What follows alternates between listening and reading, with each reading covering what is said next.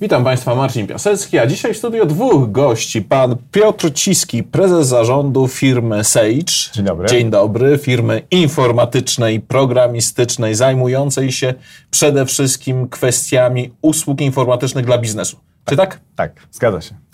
Drugim gościem jest pan Marcin Sidelnik, partner w dziale podatkowo-prawnym firma PWC. Dzień dobry. Dzień dobry.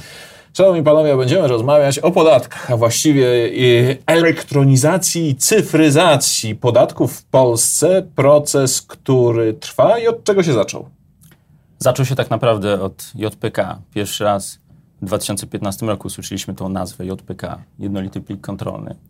Jest to elektroniczny sposób przesyłania danych w takim formacie ustrukturyzowanym, ustalonym przez Ministerstwo Finansów. E, najpierw ten obowiązek objął duże podmioty, od 1 lipca 2016 roku. E, następnie średnie podmioty, początek 2017 roku. E, I od 2018 e, roku już wszystkich podatników VAT, którzy mają obowiązek rozliczania się z tego podatku. Mówię tutaj o JPK VAT wysyłanym miesięcznie przez każdego podatnika. Równocześnie od 2016 duzi podatnicy byli zobowiązani na żądanie administracji podatkowej przesyłać tak zwane JPK na żądanie. To były kolejne struktury. One obejmowały księgi rachunkowe, e, magazyny, e, faktury, ewidencje e, podatku VAT czy wyciągi bankowe. I do tego obowiązku, taką już domykając tą klamrę JPK, dołączyły wszystkie pozostałe podmioty w 2018 roku. Czyli mówimy o takim tsunami danych, które dotarło do administracji podatkowej i rozpoczęło taką powszechną digitalizację podatków. No właśnie, ale tutaj na ile mówimy o powszechności? Czy to rzeczywiście pewna rewolucja cyfrowa w podatkach, no czy jednak pewien wycinek niesłychanie ważny i w pewnym sensie obszerny, ale wycinek. Panie prezesie, jak to jest? Ja myślę, że rewolucja, dlatego że mamy do czynienia ze zmianą fundamentalną. Mianowicie do tej pory systemy informatyczne wspierały księgowych czy dyrektorów finansowych procesie składania deklaracji czy przesyłania danych do urzędów skarbowych.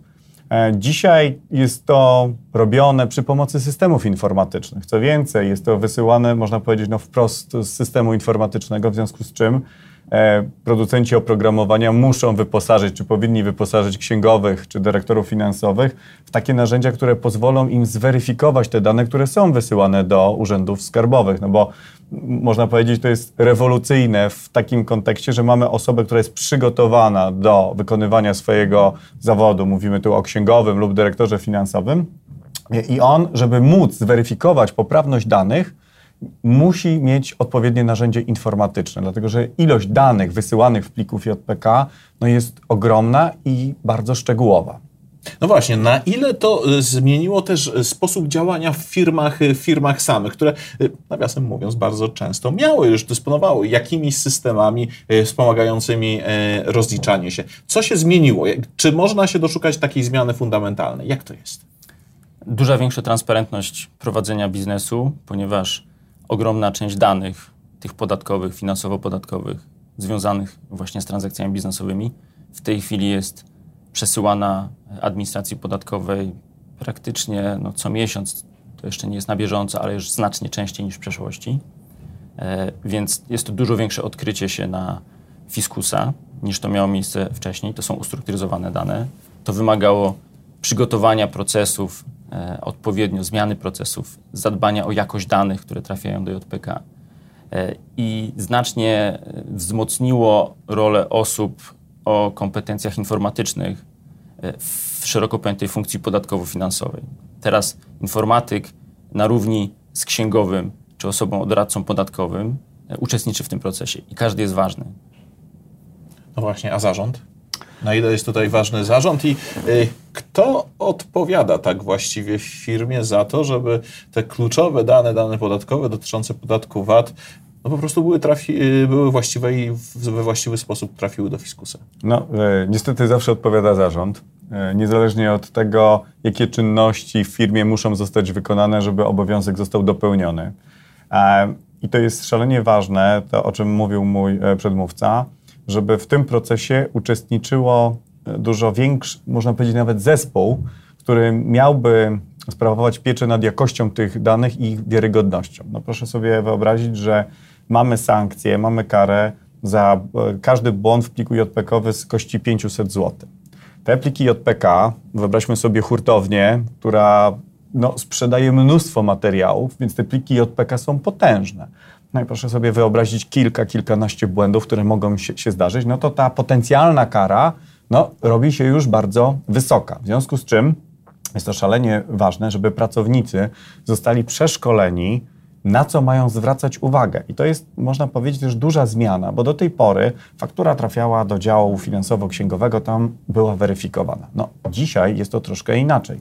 Dzisiaj mamy handlowców, którzy na przykład wystawiają faktury i handlowiec musi wiedzieć, czy dany towar chociażby jest objęty split paymentem, czyli podzieloną płatnością, musi mieć musi upewnić się, że na fakturze, która została wydrukowana, również znajduje się napis e, płatność podzielona. W związku z czym można powiedzieć, ta odpowiedzialność wykracza dużo mocniej poza tradycyjne działy finansowo-księgowe i musi być realizowana w różnych komórkach. W komórce sprzedażowej, czy można, można nawet powiedzieć w komórce administracyjnej, bo to samo dzieje się w momencie, kiedy my otrzymujemy fakturę. No, warto by sprawdzić, czy otrzymujemy od aktywnego podatnika VAT, E, powinniśmy sprawdzić, czy e, jest dobrze zakwalifikowana pod względem e, split paymentu, czyli płatności podzielonej, no bo wystawca mógł się pomylić i na przykład wystawić fakturę z normalną płatnością, a powinna to być płatność typu split payment.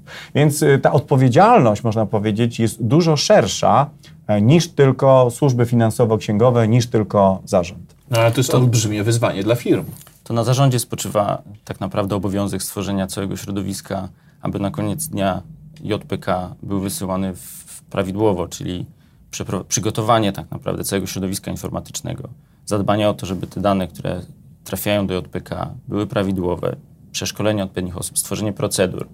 Bardzo często jako doradcy w tym uczestniczymy, gdzie cały proces od początku do końca, do, do tego momentu, kiedy te dane trafią do JPK, jest weryfikowany właśnie z punktu widzenia prawidłowości, kompletności i spełnienia szeregu wymagań, które są, wynikają nie tylko z pliku JPK, ale właśnie wspomnianego, wspomnianych innych obowiązków. I tego będzie coraz więcej. Wspomniana e, kara 500 zł to jest pomysł, który e, pomysł to już właściwie za chwilkę będzie e, prawem, dotyczy pojedynczego błędu w pliku JPK VDEC, tym, który będzie obowiązywał podatników e, już w przyszłym roku. E, wystarczy niewielki błąd w e, przygotowaniu pliku JPK, aby ta, ta, masowość tych błędów spowodowała bardzo duże konsekwencje finansowe. A już w tej chwili, jeżeli chodzi o odpowiedzialność za, za, za miesięczne składanie plików JPK, te maksymalne kary potrafią być e, milionowe za e, nieprawidłowości w takim pliku składanym co miesiąc. Te kary mogą, mogą sięgać 3 milionów złotych za, za niezłożenie, 6 milionów złotych, przepraszam, za niezłożenie 3 milionów złotych w przypadku konsekwentnego uchylania się przed złożeniem plików JPK tych na żądanie, e, te kary sięgają e, kilkunastu milionów złotych. Także to już w tej chwili no, ma miejsce, się dzieje. Oczywiście e, w tej chwili w praktyce tego, tej wielkości kary przez fiskusa nie są nakładane, natomiast mniejsze kary grzywien stają się już, są już powszechne. A czy systemy ym, informatyczne używane w firmach, używane na przykład w kontekście JPK są w stanie wspomóc te procesy? Są w stanie na przykład nie, może nie tyle wykryć błędy, co jednak, y, co jednak podpowiedzieć, że coś z tymi danymi jest tutaj y, nie tak i wymagają one sprawdzenia? E, myślę, że to jest ogromna odpowiedzialność e, producentów oprogramowania, żeby wesprzeć, mówiąc krótko, E, firmy w tym procesie, bo mamy dwa problemy. Pierwsze, jak gdyby powszechność, czyli można powiedzieć, no, e, tego, że te, te, dane, które są zbierane w różnych e, częściach firmy, one muszą zostać skonsolidowane, no i wysłane w postaci pliku JPK. Także jest szalenie ważne, żeby te dane były, można powiedzieć, no, prawidłowe, wiarygodne, no i żeby tam nie było błędów. W związku z czym system informatyczny no, musi w jakiś sposób podpowiadać, weryfikować, musi być wstępna weryfikacja. To jest pierwsza rzecz. No i później ten element, bym powiedział, finalnego sprawdzenia przed y, tym, kiedy wysyłamy plik do, do fiskusa. No i muszę powiedzieć, że w naszej historii e, współpracy e, firmy informatyczne bardzo mocno współpracują z firmami doradczymi po to, żeby wprowadzić dodatkowe narzędzia, które miałyby jak gdyby ten element, to ryzyko związane z popełnieniem błędów w jakiś sposób zminimalizować, żeby po pierwsze ta, ten proces nie był uciążliwy, no a po drugie, no, żeby nie narażał nas na, na kary finansowe. Proszę sobie wyobrazić, że w, w, w, pierwszym kwartale po wprowadzeniu JPK, mówię dla wszystkich firm, Ministerstwo Finansów przeanalizowało 4 miliardy faktur. 4 miliardy faktur wykryło około 200 tysięcy takich faktur, które wydawało się jako faktury podejrzane i uruchomiło to proces e, kontroli. W związku z czym tak naprawdę musimy się przyzwyczaić do tego i producenci oprogramowania muszą się przyzwyczaić do tego, że tych danych, które my wysyłamy do urzędów skarbowych będzie coraz więcej. No, proces robi się, słyszymy, coraz bardziej skomplikowany, no więc system informatyczny musi mieć taką swoistą inteligencję, żeby móc tego podatnika wesprzeć w tym procesie. No jest jeszcze problem, czy te dane są, no, że tak powiem, zaciągane z jednego systemu, bo mamy wielu, wie, można powiedzieć, takie branże, które mają bardzo specyficzne oprogramowanie, więc tam rodzi się problem konsolidacji tych danych z różnych systemów. No, to są pewnego rodzaju wyzwania. Już nie tylko, tak jak e, powiedział mój przedmówca, nie tylko dane stricte e, problemy podatkowe, ale również problemy informatyczne. Y, powiedział Pan bardzo ciekawą rzecz, czyli o bardzo szerokiej jednak skali sprawdzania faktur przez Ministerstwo Finansów, dlatego że Ministerstwo Finansów też dysponuje odpowiednimi y, y, systemami informatycznymi. To nie jest tak, że siedzą w ministerstwie urzędnicy i sprawdzają na piechotę te faktury, tylko jak rozumiem, po prostu sprawdzają je najróżniejsze automaty, modele. Tak, e, Ministerstwo Finansów posiada takie narzędzie JPK Analizator. E, konsekwentnie rozbudowuje. No, siłą danych ustrukturyzowanych jest to, że można na bardzo dużym wolumenie przeprowadzać automatycznie testy e, i, i z tych testów identyfikować czy to podatników, czy transakcje, które są związane z wyłudzeniami podatków. To się dzieje, tego będzie coraz więcej. Jak patrzymy na to, to o czym mój przedmówca wspomniał, te, te ilości danych, które trafiają, to jest miesięcznie kilkaset milionów faktur, e, są bardzo e, takim łakomym kąskiem dla, dla każdej administracji podatkowej, żeby w oparciu o to już niejako z zabiórka automatycznie identyfikować te zdarzenia, które w tradycyjnym świecie w ogóle nie były realne do uchwycenia. Jak e, jeszcze spojrzymy na e, najnowsze trendy w administracjach podatkowych i w technologii, jak dołożymy do tego sztuczną inteligencję, to mówimy tak naprawdę o e, niesamowitym narzędziu, które jest w stanie identyfikować każdą najdrobniejszą, każde najdrobniejsze uchybienie w każdym obszarze gospodarki e, u de facto każdego podatnika, analizować trendy, wyłapywać e, nie ex post, tylko z wyprzedzeniem, u których podatników może dojść do, do wyłudzeń. To jest niesamowicie, no, niesamowita broń przyszłości takiej no i tym e, gospodarce. Większe, tym większe wyzwanie dla firm, żeby po prostu w tych e, plikach nie było ze strony firm e, błędów. Co będzie dalej, panie prezesie? Jak ta sytuacja będzie się rozwijała, jeżeli chodzi o cyfryzację podatkową? Ja myślę, że w dalszym ciągu będziemy szli w tym kierunku przesyłania danych do Urzędu Skarbowego, natomiast te dane będą moim zdaniem wykraczały poza te typowe dane, które dzisiaj mamy w rejestrach VAT-owskich i to już widzimy, że również e, ustawy idą w tym kierunku, e, gdzie przedsiębiorca musi zbierać inne dane w, e, w postaci rejestrów VAT-owskich, a z nich wysyłać pliki od PKWAT, niż to miało miejsce do tej pory. Więc widzimy, że ta ilość danych i ich zakres będzie rósł. To jest pierwszy element. Druga rzecz szalenie ważna to jest również Dzisiaj mamy raportowanie w trybie miesięcznym lub tak jak e, mówiliśmy, w, na żądanie. Natomiast e, idziemy w, w stronę e, jak gdyby systemów opartych o raportowanie w czasie rzeczywistym. Ja bym sobie wyobrażał, że za jakiś czas może być tak, że w momencie, kiedy wystąpi pewne zdarzenie gospodarcze, sprzedaż czy wystawienie faktury, które będzie odzwierciedlone w systemie informatycznym, no bo jakoś musimy tą fakturę wystawić, to, to informacja o tym fakcie pójdzie automatycznie do Ministerstwa Finansów. Powiedziałbym tak, technologicznie my dzisiaj już do tego jesteśmy przygotowani.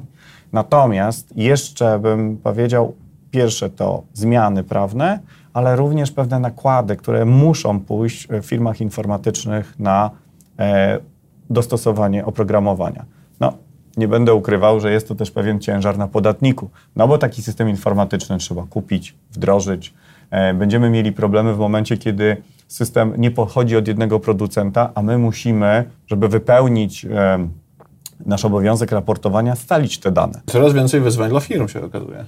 To są wyzwania, ale to są też korzyści, dlatego że biznes chce prowadzić biznes, a nie zajmować się raportowaniem podatków. Dlatego my, doradcy, mamy tyle pracy i tak naprawdę e, dzięki tym wszystkim kolejnym obowiązkom e, tej pracy jest coraz więcej, a obciążenia dla, dla biznesu coraz większe. Natomiast no, no bądźmy e, szczerzy, biznes chce się skoncentrować na biznesie i jest w stanie oddać bardzo dużo, przekazując wszelkie dane, żeby mógł się na tym skoncentrować, żeby miał pewność prowadzenia tego biznesu, a nie zastanawiał się, kiedy w kolejnych pięciu latach przyjdzie do niego kontrola i zakwestionuje coś, co zrobił wiele lat temu wstecz.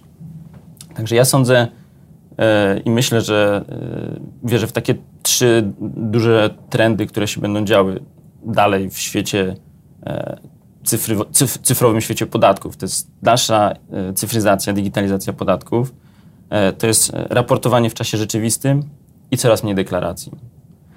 JPK VDEK jest tego najlepszym dowodem, bo on zastąpi całkowicie deklarację VAT. Nie jedną, kilka wraz z załącznikami. I myślę, że to będzie powszechny trend.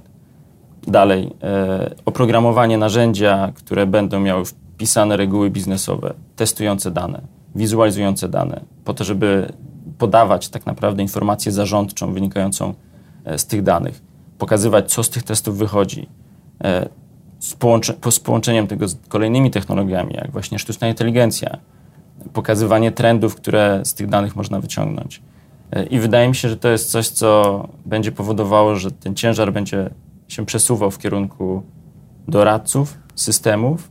Biznes będzie się koncentrował na realizowaniu swojej y, podstawowej działalności, Natomiast reguły biznesowe i narzędzia będą wspierały to, aby te dane, które trafiają do fiskusa, były jak najbardziej kompletne i prawidłowe. Biznes się będzie koncentrował na swojej podstawowej działalności. To brzmi nieźle. Chociaż, chociaż, A, czy tak muszę, będzie? Muszę powiedzieć, że to jest yy, tak. Myślę, że no, na pewno będzie ten element inwestycji, na pewno będzie element przemodelowania pewnych procesów, bo, że tak powiem, ten proces raportowania i cyfryzacji wymusi również no, pewne zmiany organizacyjne e, w firmach, więc bym powiedział tak, zanim się biznes e, skoncentruje tylko na biznesie, to niestety musi przejść e, ten, ten, Trochę ten, popracować. ten model adaptacji. Ten model adaptacji, który moim zdaniem będzie konieczny, bo to się pojawią inne kompetencje w firmie, to pojawią się również inne możliwości, bo inwestujemy w systemy, w związku z czym inwestujemy w automatyzację, no, jest ten element, rynek pracy mamy dosyć trudny, więc to już ten taki powiedzmy dylemat filozoficzny, czy inwestować w system informatyczny, czy zatrudniać pracowników. No, dzisiaj wiemy, że ten rynek pracy też wskazuje nam, że tam nie znajdziemy łatwego rozwiązania. Fiskus y, potrzebuje danych, więc mamy informatyzację. Może również ta informatyzacja też mieć taki wpływ, że zdecydujemy się na pewne zmiany technologiczne w całym przedsiębiorstwie. No, gdzieś zaczynając może od tej cyfryzacji podatków. Oby. Bardzo dziękuję za rozmowę. Moimi dzisiejszymi gośćmi byli pan Piotr Ciski, prezes zarządu firmy Sage oraz pan Marcin Sidelnik, partner w dziale podatkowo-prawnym PWC.